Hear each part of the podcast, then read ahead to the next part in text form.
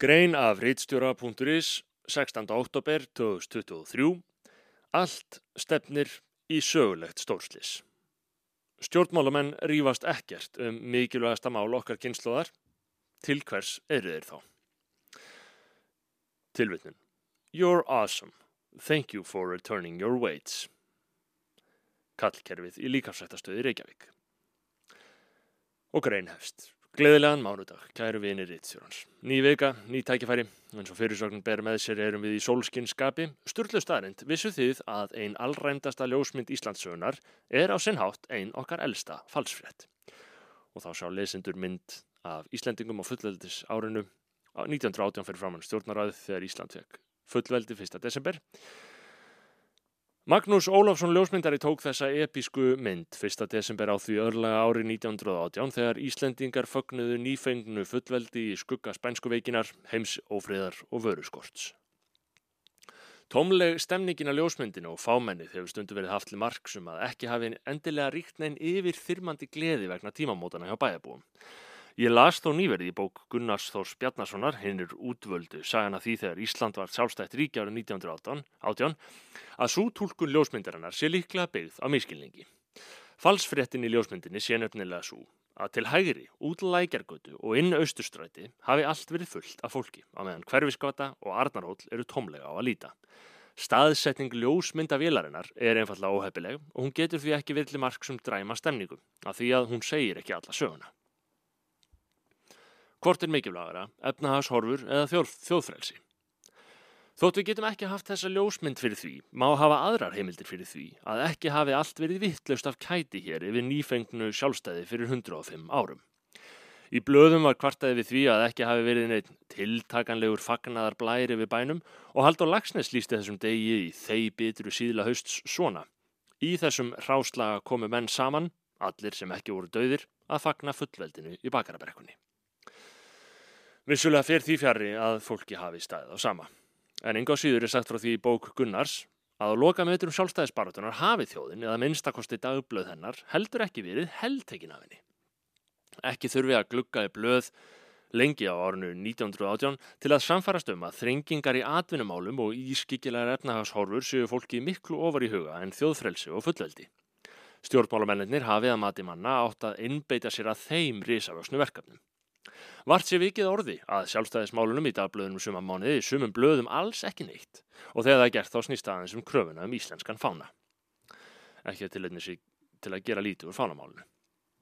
Að auki hafi, ólít öðrum fyrir kostningum, engin stjórnmálaflokkur í kostningunum 1916 lagt áherslu á að semja í bráð við Dani um breytingar og sambanda mellir landana. Áherslan hafi öll verið á efnahagsmálin og átakalínur verið dregnal eftir þeim. Nú er þessi atrið ekki til marsum að enginn hafi verið að pæla í þessu, síður en svo.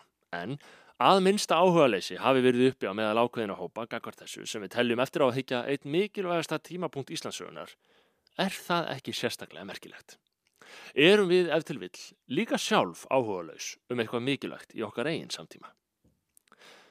Ætlum við að hafa eigin tungu.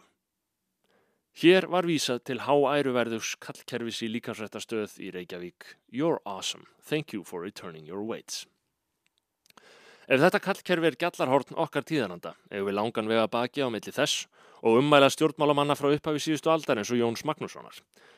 Frá upphafi, og nú vísa ég Jón Magnússon, frá upphafi tilvittin hefst, frá upphafi hefur vakað hjá oss öllu og lifandi tilfinning þess að við erum sérstök þjóð sem byggjum, byggðum eigið land og höfum eigin tungu með öðrum orðum.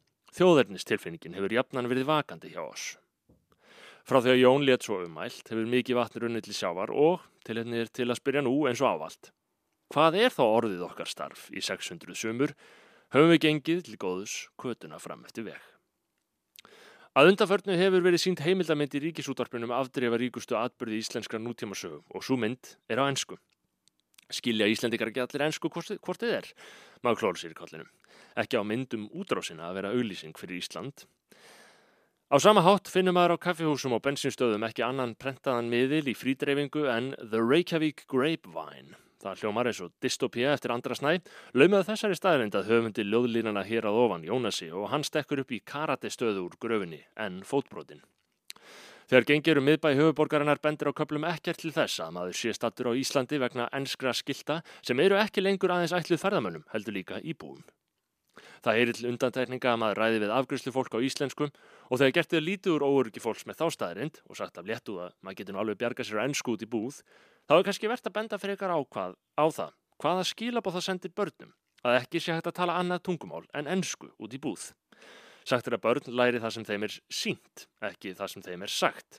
Þau hljóta að draga þá álitun af svona aðstæðum að íslenskan sé eins konar heimilismál en ennskan svo sem töluður að meðal fólks. Sama hver oft við segjum að íslenska sé mál fyrir allar aðstæður. Výlinan færist.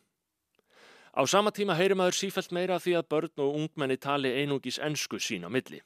Það er grátlega afleðing þess að börnin eru berskjölduðustu fórnarlömp vel hefnarar menningarleira nýlendustefnu bandaríkjana sem gerir strandtök hér í formi linnulausrar snjalltækja væðingar tilveru okkar.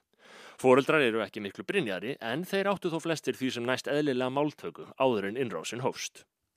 Ekki lengra síðan en 1942 að kosmósið gat af sér minnisbók námsmegar í húsmæðraskólanum á laugum sem á sjá hér að neðan, þetta er sérst ljósmynd af orðalista. Þar sem stóra áskorunin var að venja sig af því að segja kannske, kannske og segja heldur ef til vill. Hún vildi ekki segja stoppa heldur nema staðar, hún vildi ekki segja sturta heldur steipibað. Svona nokkuð, svona orðalistar, varpa daburlegu ljósi á það hver langt výlínan hefur færst. Þegar baráttan sem nú er háð snýst ekki um málvöndun, heldur um lífslíkur tungumálsins sjálfs. Výlínan hefur líka gefið eftir í málfarshópum á Facebook þar sem jákvæðni hefur af ytlir nöðsinn verið gerð að móralskri skildu. Það lýsa menn yfir sérstakri ánægu að veitingastæðir svo mikið sem heita íslenskum nöfnum og ekki löstu að þar sé að ferð svipaði léttir og þegar maður hittir loksins Íslendinga eftir langatvöl í útlöndum. English Speaking Community Council in Vík. Í Vík í Mýrdal eru 570 af 950 íbúi með erlendar ríkisborgarrétt. Starfsemi sveitastjórnarinnar fer að hluta til fram í ennskumælandi ráði sem fundar reglulega með sveitastjórnum. Sveitastjórn segir að það sé spurningum sangirni gagvart erlendum íbúum sem greiða fulla skatta og kjósa til sveitastjórna. Það eru réttmætt sjónamið og sangjörn en óneitanlega er staðan mjög sérstök. Að stjórnsísla, fari, að stjórnsísla á Íslandi fari í vaksandi mæli fram á ennsku ætti að vera verulegt umhugsunarefni. Á endarum hlýtu það að vera sangirtinsmál líka að alþingismál fjalli um sínmál á tungumáli sem fólki í landinu skilur, það er að segja ennsku. Það hefur sínt sig að fögur fyrirheitum að kenna útlendingum íslensku hafa mestuleiti bröðist en það lærir aðeins mikill minnilhuti í innflytnda íslensku. Í samtalum sem ég hef átt við innflytndur hafa margir búið hér árum saman en aldrei séð ástæði til þess að læra íslensku. Sjónamið þeirra eru yfirleitt skiljaleg. Atvinnureikundur eru stundum kvartir til að bæta aðstæður fólks til að læra íslensku, en væðarlaus markaðslögmálin eru öll á annan veg. Korki vinnuveitindur, nýje starfsmenn hafa brína kvata til þess að fólk læri íslensku og þeir sem ákveða að læra málið gera það oft einfallega af áhuga. Ljóst er Ljóst er orðið á undanförnum árum að ekki er hægt að reyða sig, sig á áhuga fleiri tuga þúsunda til að læra, læra örtungu í landi þar sem þeir hafa oft skamma viðdvöl. Á sama tíma og enska sem alheimsmál er sífælt mikilvægri. Tækifærin fyrir fólki felast oft í að læra hana, enskuna, frekar en íslensku. Skólakerfi sem stendur ekki undir nafni. Á meðal stóra innflytjenda þjóða hefur sjaldan týðkast að fyrsta kynnslóð innflytjenda verði strax fullnuma í máli nýja heimalandsins. Heldur er það önnur kynnslóð sem tekur við því kefli. Ekki er þó ljóst að við getum reytt okkur á slíka þróun hér. Í fyrsta lagi hvaði íslensku börnin eru þegar höllendir ennskuna. Í öðru lagi hafa rannsóni sínt að íslenska leikskóla og skólakerfið er að bregðast þeirri ofur mikilvægu skildu sinni að tryggja tvítingdum börnum fullnægandi færni í íslensku. Í rannsókn á íslenskum leikskólabörnum af erlendum uppruna frá árinu 2013 var það niðurstaða vísindamanna að málþroski meiri hluta tvítingdubarnana var slíkum mun slakari en eintingdubarnana að ef eintingdbörn hefðu þennan sama málþroska teldist mjög líklegt að barnið væri með málþroskaröskun. Það er þingra en tárum takið að heyra slíka lýsingar sem er einnig uppskrift að vandraðum síðar meiri lífinu fyrir þessi börn. En þetta var árið 2013 og síðan hefur staðan sífælt þingst í van fjármögnuðu leikskólakerfi og ekki síður skólakerfi sem ekki er fært um að takast á við þessar áskoranir. Tilvitnun í Elínu Þöll Þorðardóttur, sérfræðing á sviðinu frá árunnu 2020, það að ganga í leikskóla og skóla á Íslandi árum saman eða allt frá upphafi leikskóla til loka grunnskóla nægir í allt of mörgum tilfellum ekki til þess að nefnendur læri íslensku nógu vel til að eiga raunhafan möguleika á framhaldnámi. Þar höfum við það. Ávegstir aukinar árvekni. Íslensk málnemnd, skipuð á mentamálar á þeirra, virðist ekki færum að leggja fullnægandi mat á stöðu tungumálsins á þessari stundu og semur í staðin álíktanir sem hefjast á hástemdum yfirlýsingum um ágæti ríkjandi stjórnvalda. Fyrst segir nefndin að framan af hafi lítið farið fyrir ofinberi stefnumörkun vegna nýtilkominar fjölmenningar í landinu, litlir fjármunir hafi ratað í slíkt starf, en að svo hafi það lagast. Tilvittnun, síðustu 15 ár hefur árvekni stjórnvalda aukist. Þetta er undarleg framsætning. Fyrir 15 árum var staða tungumálsins margfalt, margfalt betri en hún er í dag. Svotat árvekni stjórnvaldainn og síðan þá hefur staðan versnað til muna á nær öllum sviðum. Kanski að maður byrði stjórnvöld á minnsalegast um að snerta ekki framar á málafloknum. Minnsta árvekni ætti að minnstakost að gera okkur morgun ljóst að íslenskum stjórnvöldum hefur mistekist alveg að tryggja að innflytjendur hafi kvata og fái tækifæri til að læra íslensku. Staðan er ekki að skána. Þrátt verið rétt svo mælanlega aukningu í árvekni stjórnvalda verðum við að horfast í auðu við staðininn málsins. Staðan er alls ekki að skána, heldur er hún sífælt að versna. Með hverju ári sem innflytjendum á vinnumarkaði fjölgar margfalt á við Íslendinga á sama vinnumarkaði mingar kvatin til að læra íslensku. Því fleiri sem tala ensku, því fleiri tala ensku. Þetta er vítaringur, því færri hafa kvata til að læra íslensku. Tvær leiðir eru færar til að snúa þróuninni við. Annars vegar kemur til greina að ráðast í stór áttak á vegum hins ofinbera slíkri stærðargráðum að annað eins hefur ekki þekst og það áttak þurfti að taka til allra sviða tungumálsins. Hins vegar kemur til greina til dæmis að takmarka innflutning fólks vegna af atvinnu verulega í því skinni að minka álag á tungumálið. Þið síðan nefnda að takmarka innflutning fólks hugnast líklega kvorki stjórnvöldum nýja atvinnureikundum þannig að eftir sittur stór átagsleiðin. Þið grátlega í stöðin er þá þetta. Hefur einhver trú á að stjórnvöld valdi þessu verkefni með að við áhuga leysi þeirra hingað til og getur leysi þeirra í öðrum greinum?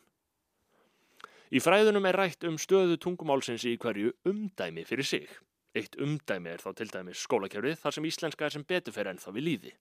En önnur umdæmi hafa virkilega látið á sjá. Umdæmi stafrætnar tækni og snjalltækja er mjög haldt undir ennsku og það er erfitt að hafa stjórn á því umdæmi þótt að sé þess virði að reyna.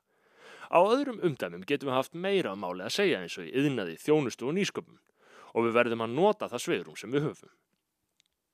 Með hverju umdæmi sem fellur er þrengt að tungunni. Við þurfum að meta það af nákvæmni hvar við fáum röndurist og við þurfum að gera það strax. Vandamálið hverfur ekki. Sumi líta svo á að Ísland án íslensku sé ekki endilega slæm þróun heldur geti hér verið fín stemning á ennsku. Allra fæstir eru á þessari línu, en ef stjórnbólamenn eru það, er mikilvægt að þeir geri tafalust grein fyrir þeirri afstöðu svo að kjósendur geti snúið sér annað. Aðrir vilja bjarga málinu og halda áfram að vera raunverulega sjálfstæð þjóð. Við sem viljum það hljóttum að geta vanist því að okkur mun greina á um leiðina að því markmiði. Ég gaggrindi á sínum tíma Eirík Rökkvaldsson, þann annars öðtula talsmann íslenskunar, fyrir að ráðast ómaklega að heiðar í Guðjónssoni fjárfesti þegar heiðar lísti því auðtali við mig og bróðum minn að hann hefði áhyggjur af óafturkræfum áhrifum á Íslensk samfélag ef þjóðtungan glataðist við að ennskan tæki yfir í fjölmenningavæðingunni. Eiríkur sagði heiðar verað ala á útlendinga andúð. Þegar ekkert í máli hans snýrið útlendingum í sjálfu sér, heldur að augljósum staðrindum og kerfislagum vanda. Slíkar upprópanir um rasisma eru til þess fallnar að hræða úr venjulegu fólki líftóruna og kæfa nöðsynlega umræðum um áþreifanlegar breytingar sem hér hafa orðið. Eitruð í ákvæðinni lætur mál, vandamálin ekki hverfa. Innan svega ég og Eiríkur rættum þetta í góðu spjalli við Viðar Guðjónsson blaðmann í dagumálum morgumblaðsins nýla sem á sjá hér. Hlekkur á, á síðinni. 1918 og 2023. Jón Magnússon, okkar fyrsti fórsætsráð þegar var ekki að ala á neinu tortryggilegu þegar hann sagði Við erum sérstök þjóð sem byggðum eigið land og höfum eigin tungu. Jón vissi sem var að tungumálið er grundvöldir sjálfstæðis okkar. Forfeður okkar fórnuðu margir stundar hagsmunum til að berjast fyrir sjálfstæði þjóðarinnar. Stjórnmálamenn nútímans ætti að hafa vita á að draga lærdóm af sögunni en það mun þessi sama saga ekki lífa þeim nema reyndar ef vera skildi að hún verði rítuð á ennsku. Milan Kundera kvíli hann í friði, sagði réttilega. Tilvitnun hefst. Sú spurning að vera eða ekki er án afláts borin upp við litla þjóð. Fullveldi hennar er henni átak án afláts viðfang baráta. Aðeins svo þjóð sem þráir það á ástriðu að vera hún sjálf, lifa á sinnhátt, aðeins stolt þjóð sem lítur á sérstæða tilveru sína sem þá einu tilveru sem til greina kemur, á það skilið að vera til og aðeins slík þjóð lifir af. Vægt áhugaleysi sumra Íslendinga í aðdraganda sjálfstæðis þjóðarinnar á sínum tíma er okkur núna óskiljanlegt. Þá þrýstu greinlega sumir á að stjórnmálamenn einbeittir sér frekar að efnahagsþrengingum á atvinnumálum í stað þjóðfrelsi. Hefur svo áhersla staðist tímans tönn? Hver mann efnahagsaðgerðinnar nú? Hvers minnumst við í dag? Svörin er augljós. Á sínum tíma áttuðu einhverjir sig ekki á því að þeir væru á fullveldisárinu að lifa einstakann stórviðburð í sögu þjóðarinnar. Á okkar tímum áttamargir sig eftir vill ekki á því að þeir gætu verið að lifa sögulegt stórslis. Stórslis allra stórslisa.